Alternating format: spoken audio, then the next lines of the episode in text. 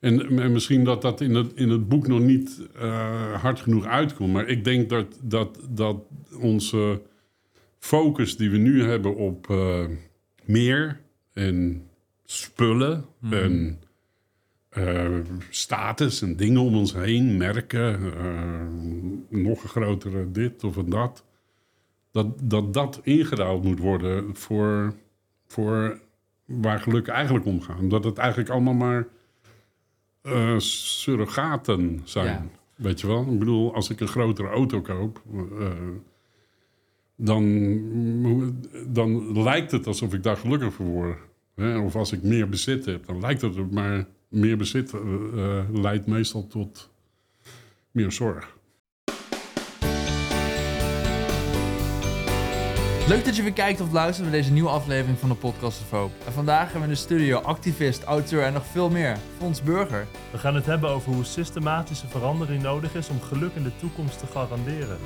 Podcast of Hope, moving towards happiness. Nou, leuk dat u er bent. Dankjewel. Ja, we gaan vandaag in gesprek over geluk. Is dat een onderwerp wat u veel bezighoudt in het dagelijks leven? Ehm, wil je Jus?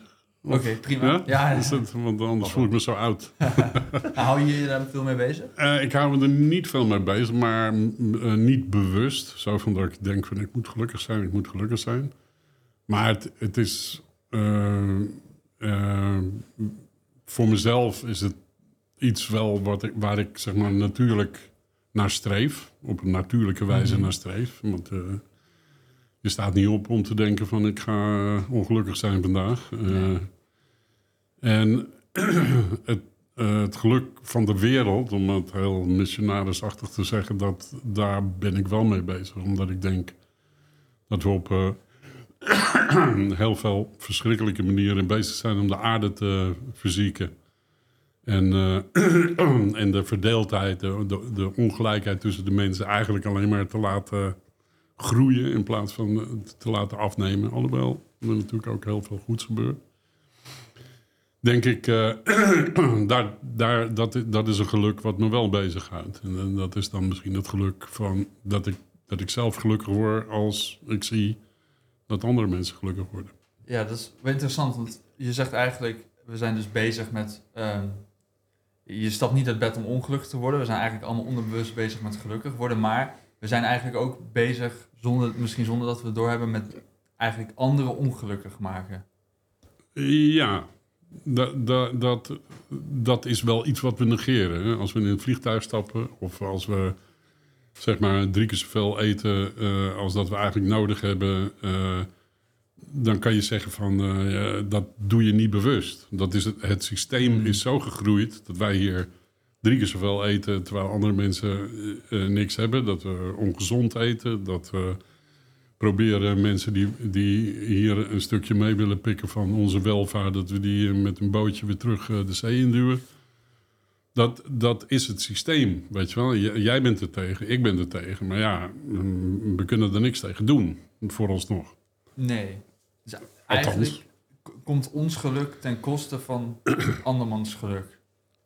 Ja, dat zou je wel kunnen zeggen. Maar kan er een systeem bestaan waarin dat niet zo is? Ik, eh, ik, ik geloof dat wel, ja. Ik heb daar een boek over geschreven, 2125. En dat gaat over iemand die over 100 jaar eh, wakker wordt. Dat is dan een beetje het verhaal van iemand die een, eh, een, een, een experiment in Mexico... waarin hij in coma wordt gebracht en zijn ouderdom wordt stilgezet. Dus hij wordt als 58-jarig persoon wordt hij wakker in 2125. En omdat ik een hele tijd als, als journalist eh, bezig ben geweest om te onderzoeken van wat zijn nou oplossingen voor de problemen die we hebben. En dat eh, niemand dat maar wilde horen, eh, heb ik toen gedacht, ik maak gewoon een mooi verhaal over hoe, hoe, hoe als al die oplossingen in gang worden gezet, hoe de wereld er dan uitziet. Ja. En daar, ik, ik geloof dat er dat op het moment dat we het aandeelhouderschap overboord gooien, dat mensen gewoon eh, op papier een bedrijf kunnen bezitten en alleen maar eh, het geld eruit trekken. Als we zeg maar eh, eh, de excessieve rijkdom van, van mensen en hun kinderen door de overerving, eh, als, we, als we dat allemaal, als we dat allemaal overboord gooien en nog 47.000 andere oplossingen, dan zouden we in harmonie kunnen leven met de natuur. En, en, en, en, en zeg maar eerlijk met de aarde en eerlijk met elkaar. En dat, dat, dat, dat, dat zou een mogelijkheid zijn dat we nog, eh, nog eh, tien eeuwen door blijven leven. Ja, want is dat het recept voor geluk? Eerlijk eh, met de aarde en eerlijk met elkaar?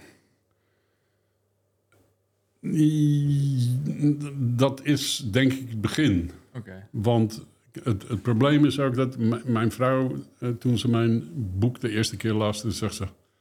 Jezus, wel saai zeg. het, leven, het leven daar. Hè? Zeg maar, oké, de oplossing die vond ze allemaal maar... Ja, zegt ze, wat, wat doen die mensen dan? Weet je? Als Ja. er geen misdaad meer is en er is er geen ongelijkheid... en iedereen eh, mag eh, zeggen wat hij wil, maar... eh, wordt ook in de gaten gehouden door al die camera's die er hangen. En, en er is geen geld meer, dus je kan ook niet iemand zwart betalen of wat dan ook. Ja. Ja, pff, dat wordt wel een beetje saai leven. En, en, en misschien dat dat in het, in het boek nog niet eh, hard genoeg uitkomt. Maar ik denk dat, dat, dat onze focus die we nu hebben op eh, meer en spullen en eh, status en dingen om ons heen, merken, nog een grotere dit of een dat.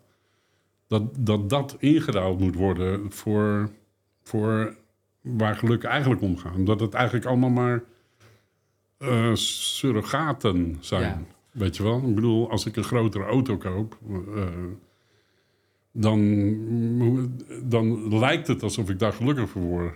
Hè? Of als ik meer bezit heb, dan lijkt het, maar meer bezit eh, eh, leidt meestal tot meer zorg. Je, jouw vrouw zegt wel iets interessants over die situatie in dat boek. Want volgens mij is dat, is dat Dostoevsky die dan beschrijft als, als, men, als er geen problemen meer zijn, dat men dan zelf wel problemen gaat creëren eigenlijk. Omdat Mhm. ze dat.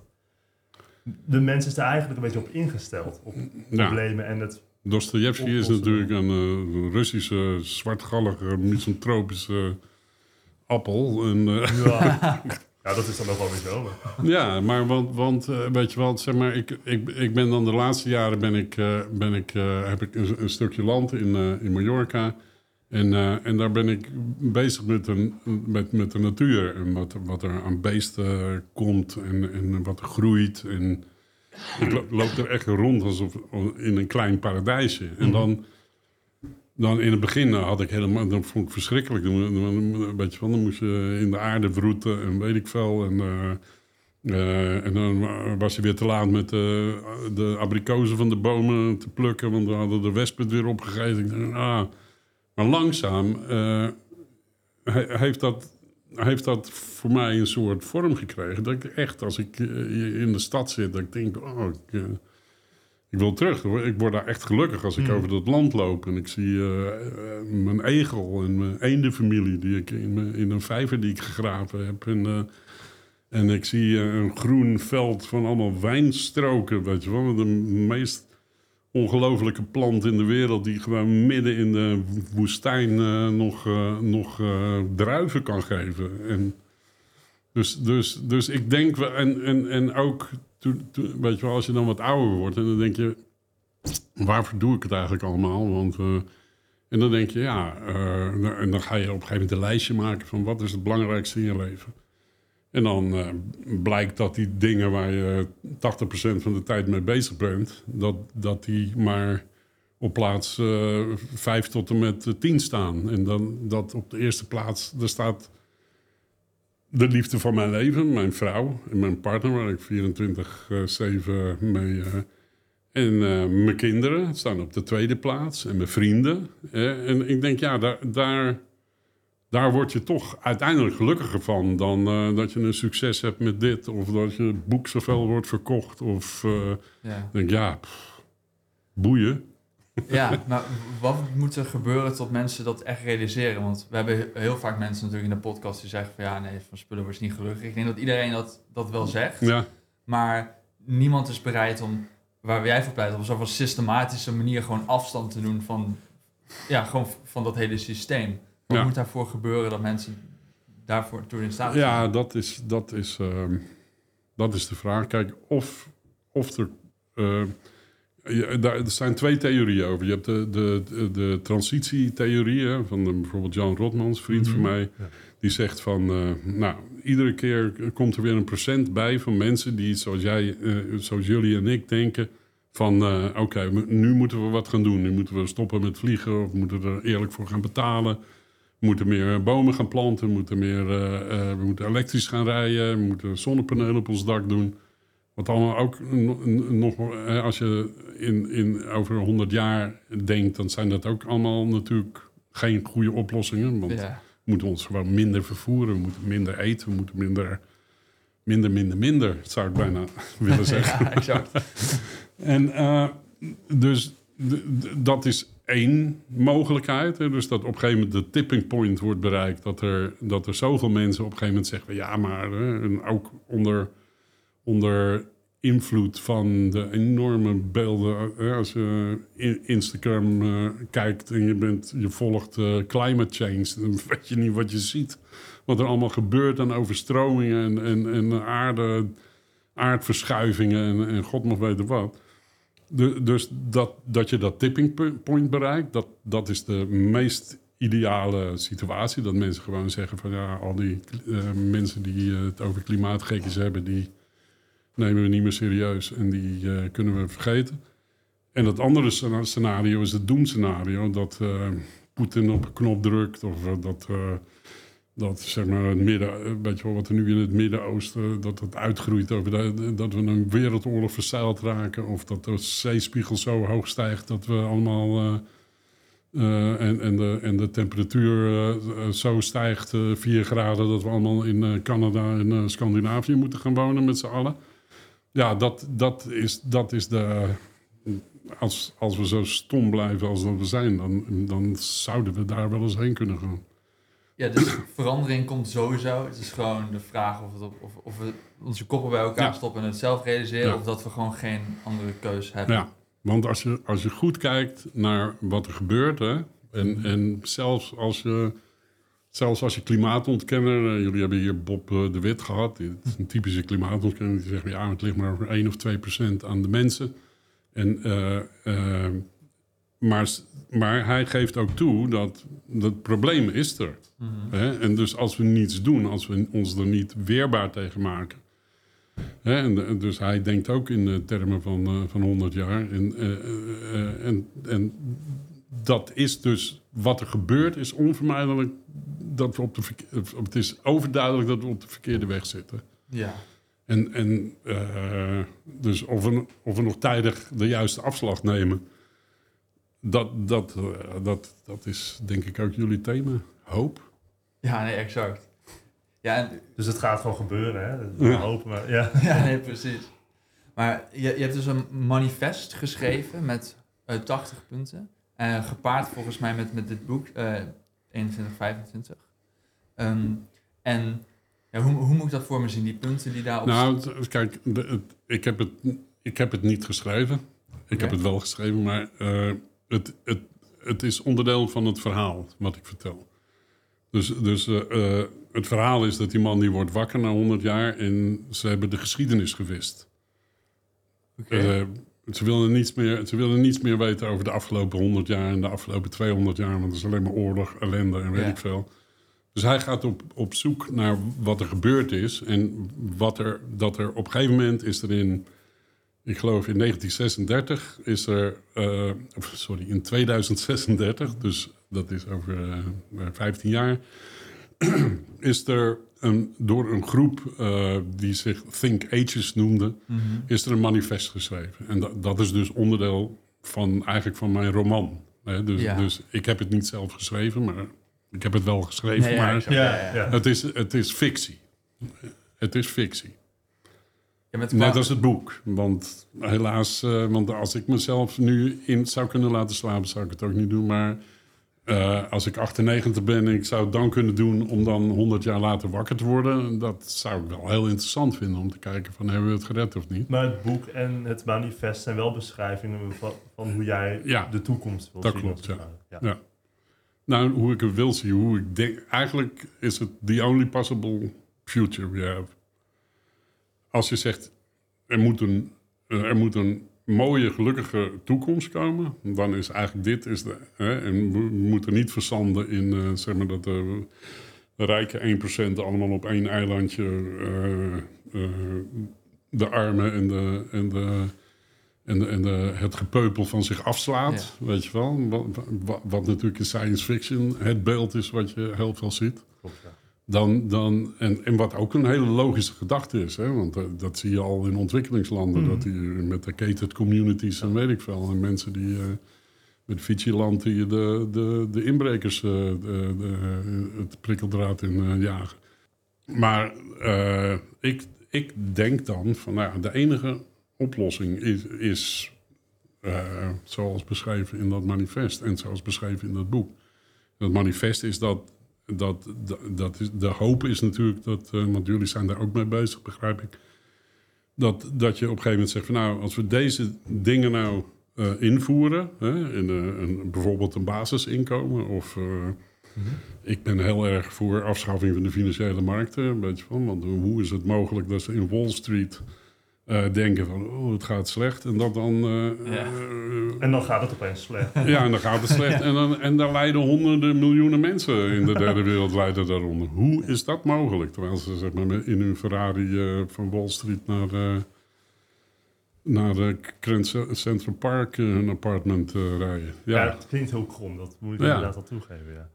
Dus dat zijn allemaal dingen, weet je van. Ik bedoel bijvoorbeeld, waarom planten we niet gewoon eh 2 triljoen bomen? Hè? Dat, dat is gewoon de oplossing tegen, tegen, tegen, de, tegen de klimaat. eh. Maar waarom doen we dat niet? Waarom niet elk stukje wat we niet benutten op de aarde planten we bomen en voedselbossen? Waarom niet? Ja, gewoon omdat het zit niet in het systeem, kost nu te veel geld en zeg maar de eh, profijtgedachte die eigenlijk overal in zit, die, eh, Ja, ja, dat zit het lange termijn denken in de Ja. weg. ja.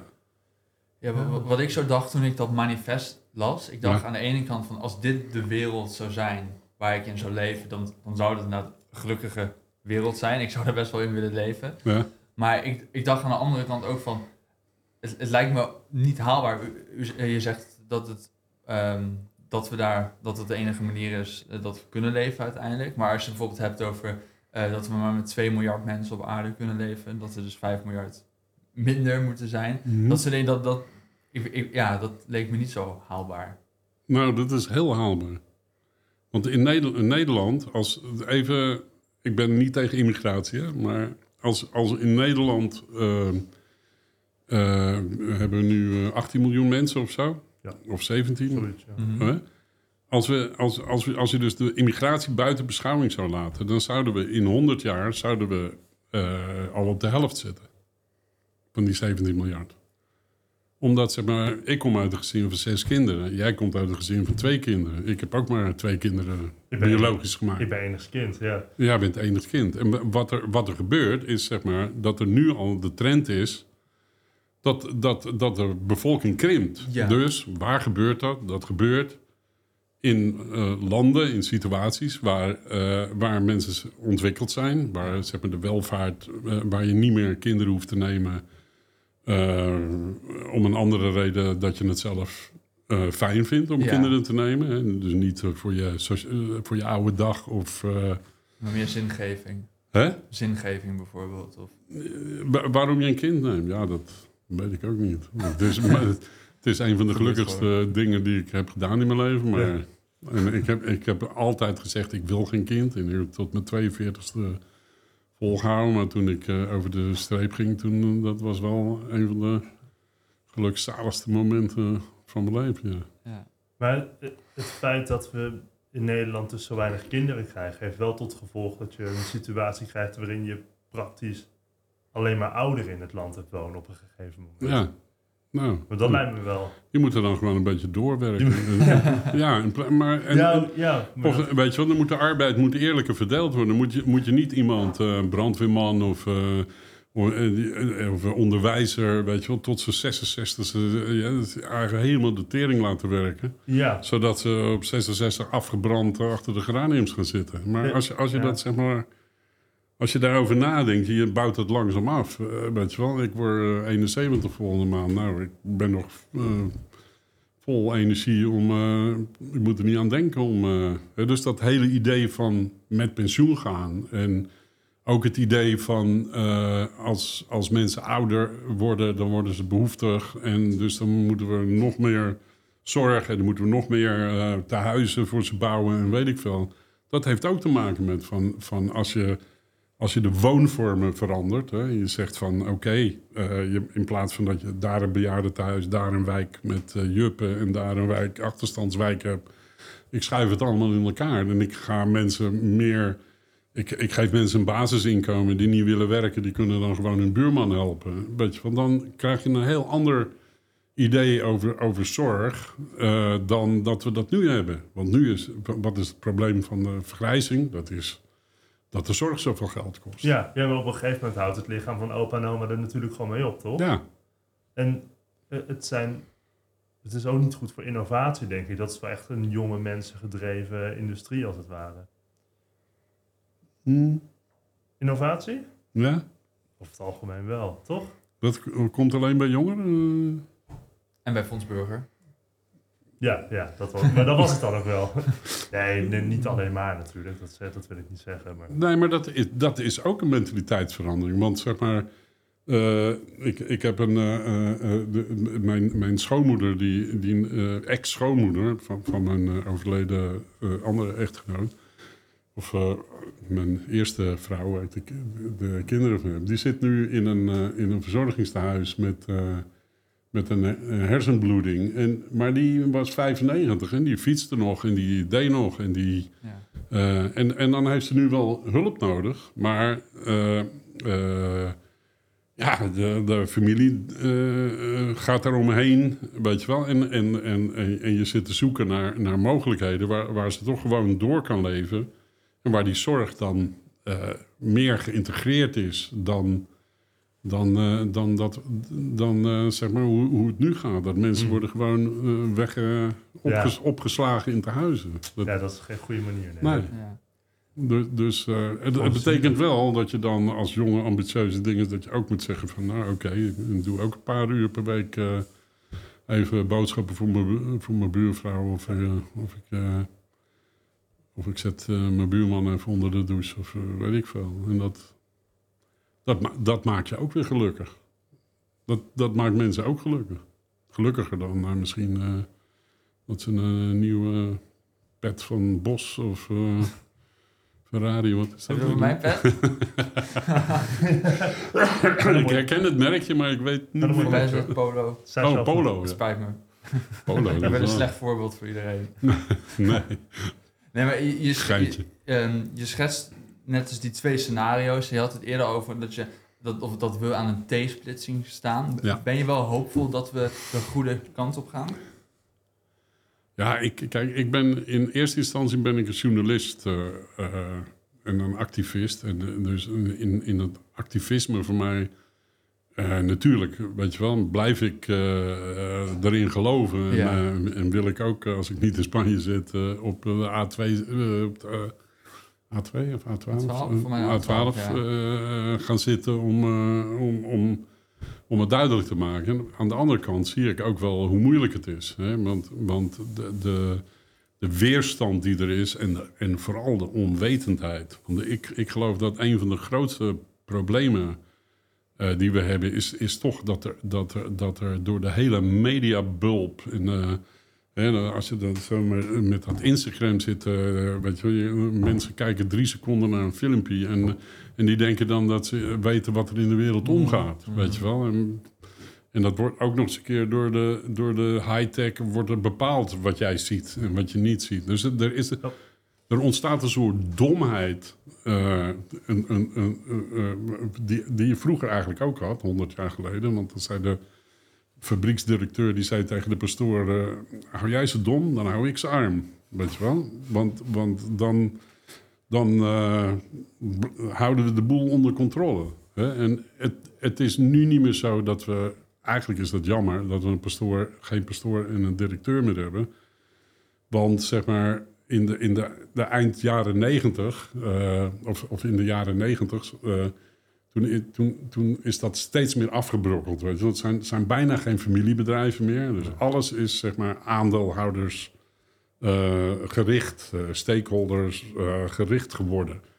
En, en die mensen die daar in die, in die directiekamers zitten, weet je wel, van de Shell en van de, de dingen, dat zijn ook maar gewone huisvaders die eigenlijk geen vlieg kwaad willen doen. Maar die kunnen niet anders, want als ze, als ze iets anders doen als wat, ze, als wat ze moeten doen, namelijk ze hebben geld verdienen voor hun aandeelhouders, dan zijn ze eh, de pineut. Want dan, dan, dan, dan- en, en dat is het systeem. Nu is het het systeem wat geen geweten heeft. En, en eh, als, als we daar iets aan kunnen doen. En, en, maar dat, daar zit je te hikken tegen, tegen een enorme domheid. Het wordt, het wordt dan wel, denk ik, de eerste keer misschien in de geschiedenis dat het, een systeem zo radicaal veranderd gaat worden. Nou, dat is niet zo. Franse Nee. revolutie of zo.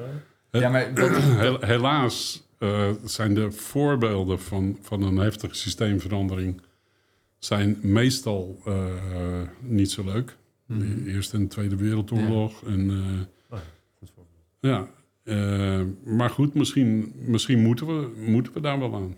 Weet je wel? En de oorlog is eh, ook, eh, is ook maar een ding. Maar dit is voor mij ingrijpender dan, dan wat er toen is veranderd, toch? Nu moet iedereen, ja, hoe zeg je dat? I- Ja, iedereen's mindset moet veranderen dat we, al- dat we allemaal met de neuzen de, dezelfde, maar de andere kant op gaan staan. Mhm. Ja, maar neem nou bijvoorbeeld, eh, wie gebruikt er nou nog een spuitbus? Echt een spuitbus met ozon eh, erin. Oh, dat, Niemand. ja. En we kregen een gat in de ozonlaag. En het werd zo groot dat mensen in Australië verbranden. En het werd hier verboden. Ja. Dus er zijn, weet je wel, er zijn Hmm. gewoon wel dingen die... En, en, en het feit... eh, het feit dat er, dat er nu wordt gezegd over tw- twint- 20 jaar of over 10 jaar... dan eh, mogen er alleen maar elektrische auto's. Weg met de benzineauto. Dat, dat zijn echt hele eh, ingrijpende veranderingen die ontstaan.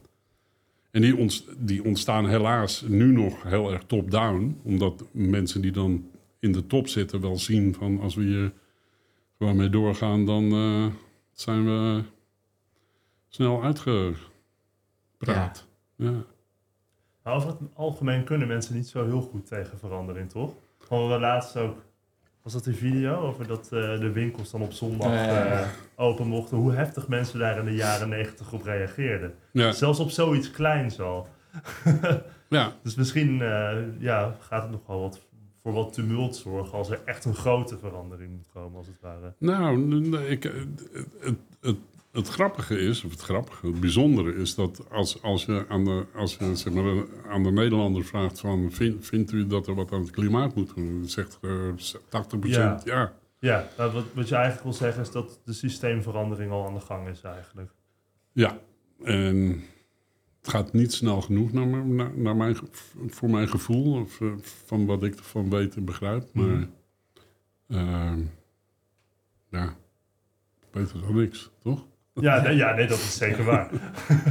Nee, en, en weet je wel, zeg maar, ehm eh, even kijken, nu inmiddels zeven of acht jaar geleden, toen zijn de Sustainable Development Goals Mhm. uitgevonden, hè, die 15 eh, doelstellingen.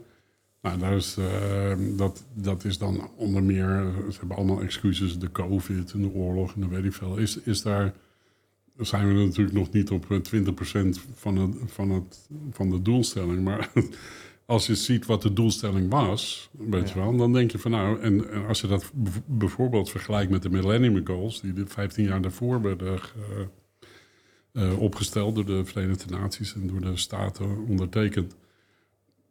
Dan zie je dat daar ook al een enorme progressie in zit. En dat, dat er met de armoedebestrijding, eh, eh, eh, on- ondanks de hiccup van, eh, van, eh, van de COVID en de, en de crisissen die we allemaal hebben gekregen, dat, dat, er, dat, er, dat er wel verbetering in zit. Ja. Ik ging met mijn kinderen, toen, toen ik een erfenisje kreeg van mijn moeder, hadden we besloten, nou, we gaan, ik, ik ga de wereld rond met jullie. In, in 40 dagen, 80 dagen de Jules Verne, maar ik denk dat het kan wel iets sneller. Toen zijn we, eh, toen zijn we de hele wereld, want ik, ik zei van, ik wil je de wereld laten zien zoals ik hem ervaar. Weet je wel, aan ellende en klimaatverandering en armoede en weet ik veel. En eh, ik, ik was gewoon. En ik, ik was een hele tijd niet meer eh, de wereld rond geweest, zou ik maar zeggen.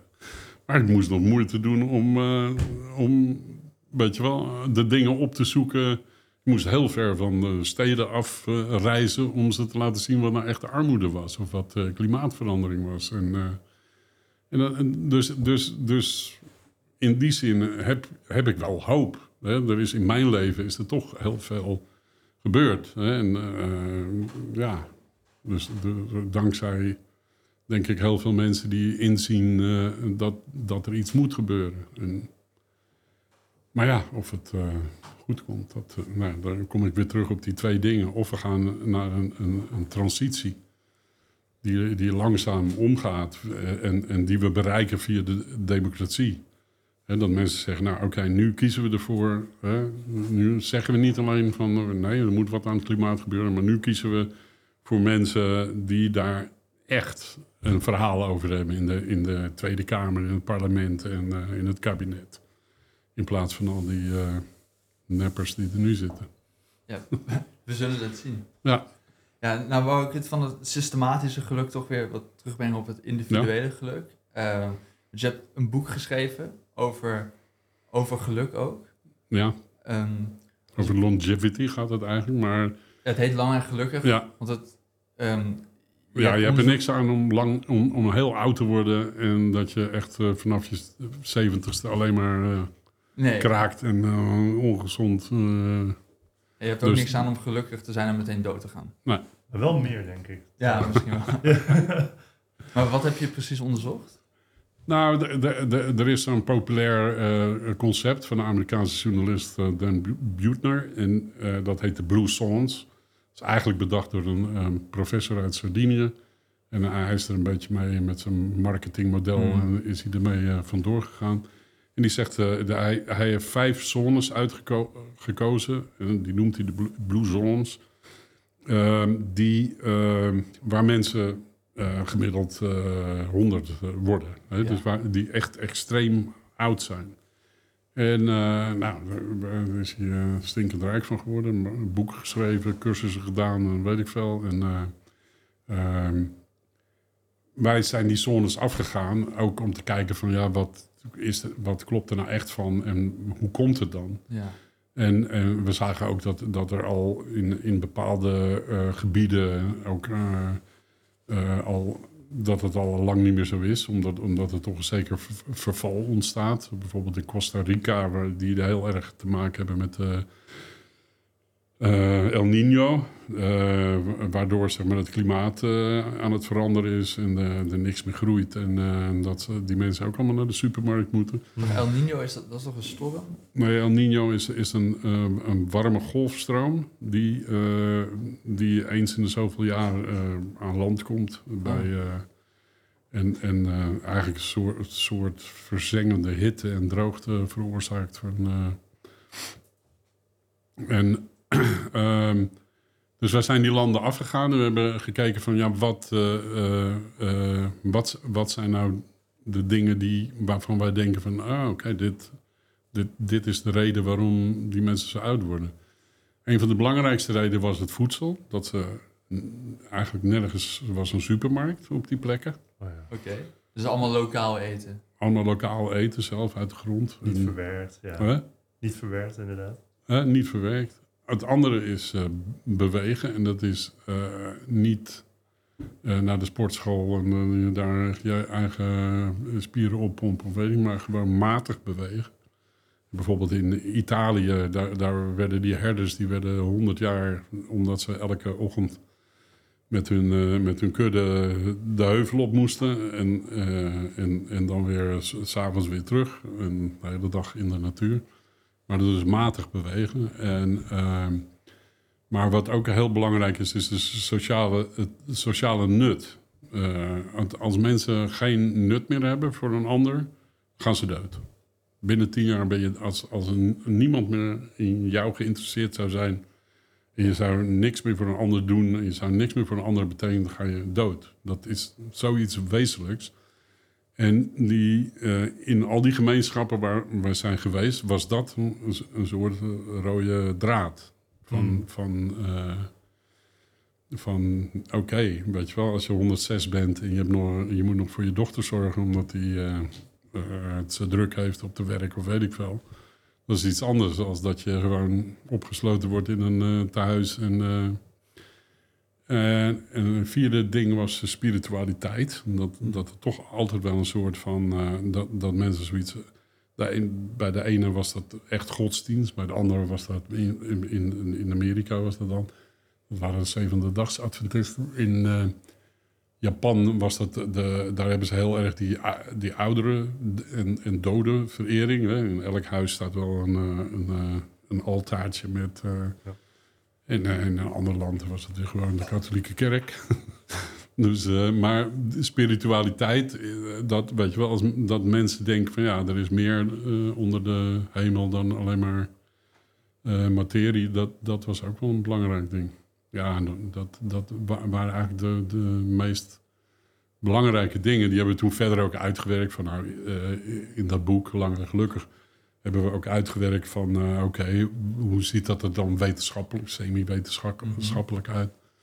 En, eh, en eindigen we met een eh, 25-tal tips van eh, hoe je zelf ook eh, ouder zou kunnen worden. Ja, dat vroeg ik me af. Is het mogelijk om van de hele wereld een Blue Zone te maken? Ehm, dat wordt wel heel erg moeilijk, omdat natuurlijk eh, ehm, in, in principe eh, in mijn boek gebeurt dat, hè? want eh, zeg maar, daar worden steden half afgebroken en daar worden eh, voedselbossen in de steden en de buiten. Dat, want dat, dat is natuurlijk, als je de manier waarop wij landbouw plegen, is natuurlijk gewoon hopeloos. Hè? De de industriële machines die over dat land worden ge, en de aarde verstampen tot eh, en, en eh, de monocultuur. We hebben nog maar één soort gras in Nederland eh, waar al die koeien van eten. Dat, dat is geen manier om, om, eh, om, om van die aarde te blijven leven. Je moet aarde moet je, eh, moet je voeden, moet je laten leven. Die moet, die moet, daar moeten wormen in, er moeten schimmels in, er moeten... Ja. Die aarde die moet open, die moet niet omgeploegd worden. Want de aarde is, aarde is, een, is, een, eh, is, is een heel complex systeem van, van schimmels, eh, wortels, eh, eh, dieren die erin zitten, soorten grond die erin zitten, compost. Het hergebruik van, van het groen wat je er afsnijdt als je dat gaat staan verbranden. Wat ze in Spanje heel veel, in, in, mijn omgeving daar heel veel doen dan, ja, dan, dan, dan, dan gaat dat allemaal weg. Terwijl als je, als je dat circulair maakt, ja, dan, dan, dan wil je niet geloven wat er allemaal. eh, mijn grootste meloen was eh, een meter. Een miljoen van een meter. Waar? Die had ik willen kopen. Ja. ja, maar dan kom je denk ik weer in dat probleem dat we gewoon met te veel mensen een te klein stukje aarde hier hebben in Nederland. Om op die Ja. manier te kunnen leven. Ja. Ja, vooral hier is dat echt wel een probleem, ja. Ja. Ja, maar, goed- maar goed, als je zou zeggen van jongens, we flikkeren de, eh de veeteelt er helemaal uit. Want eh, en, we, en we doen alleen maar eh, koeien laten grazen tussen de, in de voedselbossen. Dan hebben we nog steeds, want eh, ik geloof dat eh 80% van ons vlees naar het buitenland gaat. Weet je wel, dat is alleen maar money business. Dus het gaat niet, niet over natuur of weet ik veel. Ja. Du- dus als je, als je zeg maar die veeteelt terug zou brengen tot in plaats van die beesten allemaal in die, in die stinkende stallen te persen en dat ze hun kont niet kunnen keren, eh, de, de grootste gedeelte van hun leven. Eh, dan, dan zou je zelfs met, de- met, de, met het grond die we nu hebben, zou je. Want, want ik geloof dat. eh, nou, ik, ik weet die cijfers niet, dat zou je op moeten zoeken. Maar ik geloof dat de helft van Nederland weiland is. ja, Dat is wel een groot deel inderdaad. Het, ja, het, is volgens mij nog meer, maar ik zeg voorzichtig. Dus dan denk ik, ja, oké. dus van de helft van Nederland is eh, eh, daarvan, de opbrengst daarvan gaat 80% gaat naar het buitenland en naar eh, de boer. 1% van de bevolking. ja, Dus dan zeg ik van nou, als we gezond zouden willen leven, dan zouden we die aarde die daar dus eigenlijk helemaal die nog maar één ding kan. één soort gras maken. Ik kan even niet op de naam komen, maar eh, daar zouden we wat mee, die zouden we moeten revatili, eh, nou, opnieuw. Ja, opnieuw tot leven moeten brengen. En, Ja. dat, en, dat, en dat is, daar word je ook gelukkig van. Dat is ook een leuk proces. Ik ben in mijn, in mijn tuin in eh, Sp- Spanje ben ik daarmee bezig. En daar word je ook heel gelukkig van. Dat is gewoon, als je ziet dat je, toen ik er 15 jaar geleden kwam, had ik een stuk woestijn bijna. In de, in de drie zomermaanden was het gewoon glad, eh, steen, niks. Helemaal niks. Klei. En nu eh, begint het, weet je wel, begint dat, dat kan je omkeren. Gewoon met je, met je handen en met je... ja. En, en, en als je dat dan ziet, dan, dan in het begin vond ik, het, eh, vond ik het maar niks. Maar als je dan ziet dat dat gebeurt, dan word je gewoon heel gelukkig van. Ja, en ik, ik moet zeggen, weet je wel, ik, ik behoor tot die 1% van de wereld die de, de, de rest van de wereld bezit. Ik, eh, heb eh, een, groot vermogen, zou ik maar zeggen. En eh, de, dus, dus ik, ik ben misschien wel van de 0,1 procent. eh, hè, want jullie zijn over tien jaar zijn jullie, behoren jullie ook tot die 1 procent. En je vader en. ja. Eh, want, want dat, gebeurt, dat is al heel snel. Hè? Als je, als je een bo- iets boven modaal inkomen hebt en je hebt je eigen huis en weet ik veel, dan behoor je al tot die 1% die de rest van de wereld. eh, maar goed, ik behoor misschien zelfs nog tot een kleinere groep. Dus ik ben ook, ik heb ook heel veel geluk. ja. Hè, ik ben op zondag geboren. Er altijd een parkeerplaats voor de deur.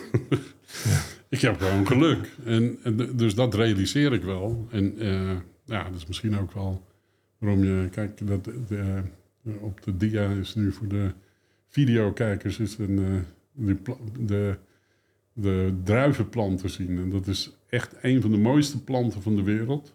Want die kan gewoon echt eh, zomers doorstaan met, met, met, hele lange wortels. Die hebben ook een, en die geven nog druiven ook. Hè, waar je heerlijke wijn van kan maken. Als je, moet het nog leren, maar... Maar eerder in de podcast zei je dat wanneer je in Spanje bent, dat je dan soms hebt van, ah, was het nu maar in Nederland om op de A12 te gaan zitten.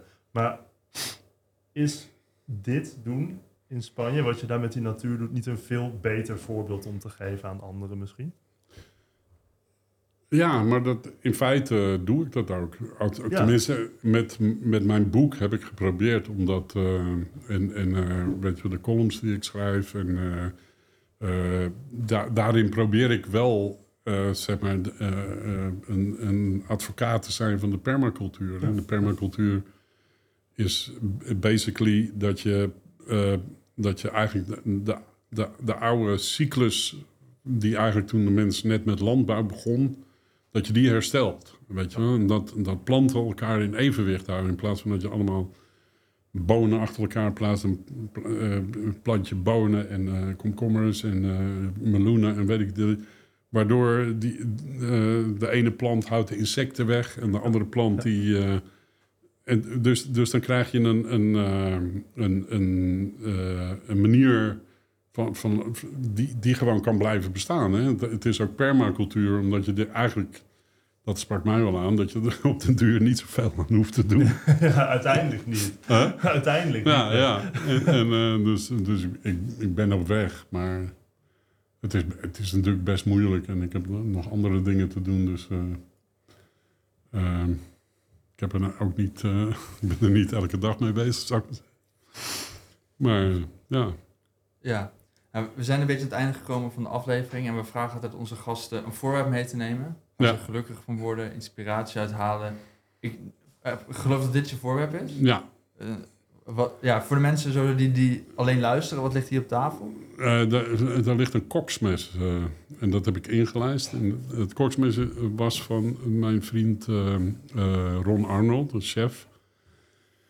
Die, ehm, die ik heb ontmoet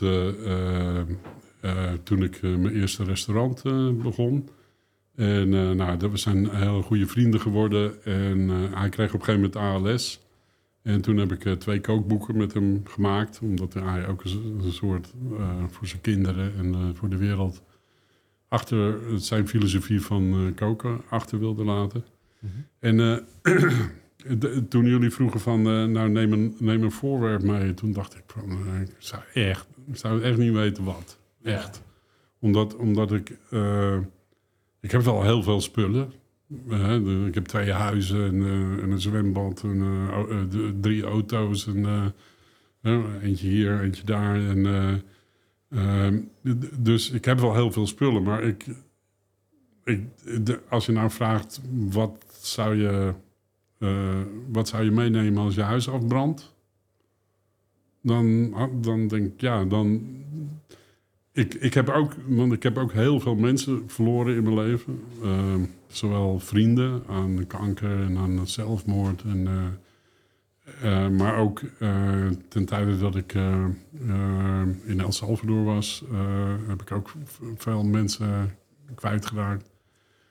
En ik vind het ook, weet je wel, ik vind het ook zoiets van eh, om dan dingen te bewaren om aan mensen te denken. Dat denk ik dan dat. Maar dit was dan net een uitzondering.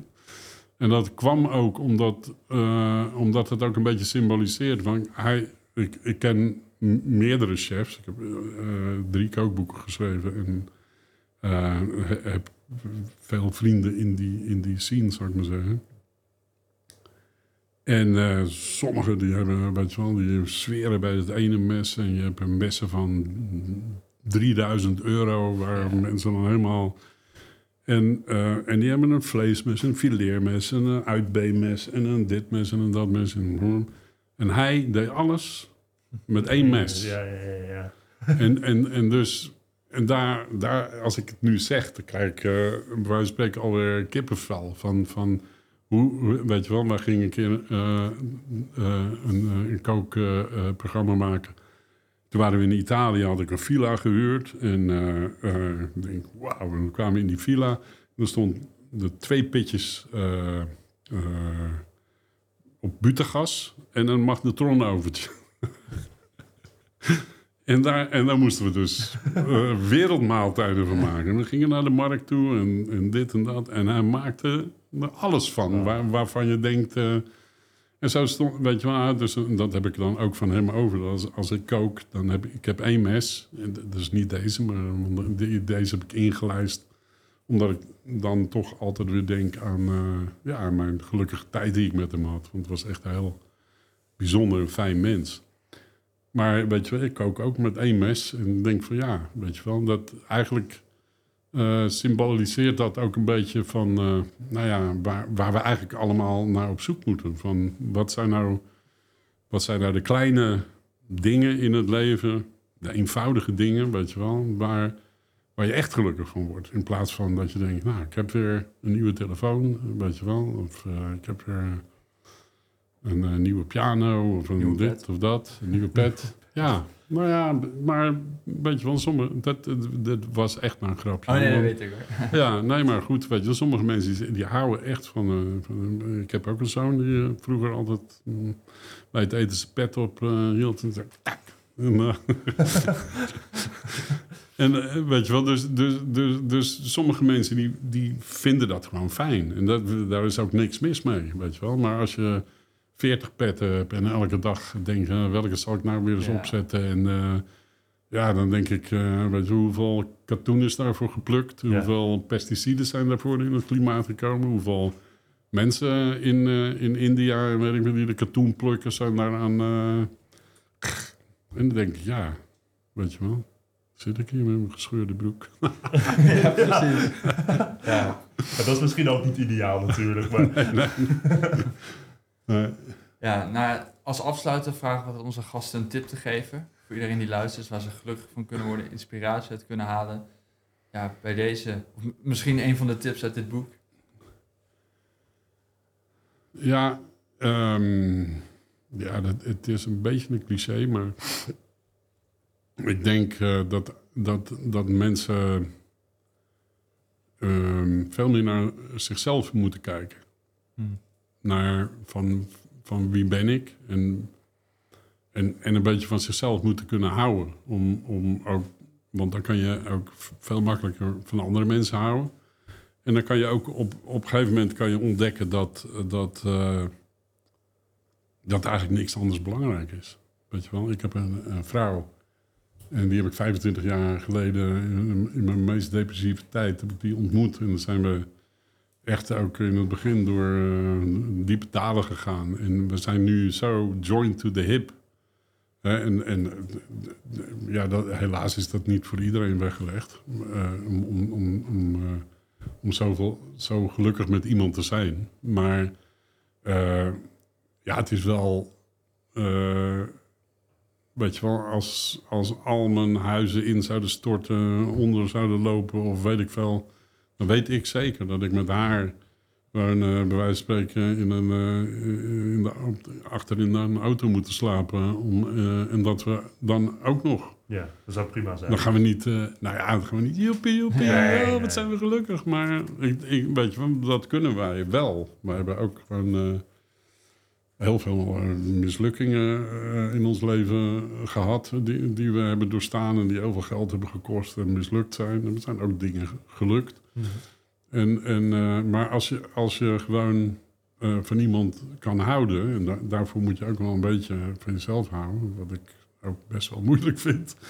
dan eh, ik denk dat daar het geluk in zit. En, en uiteraard zijn gewoon bewegen en eten zijn natuurlijk...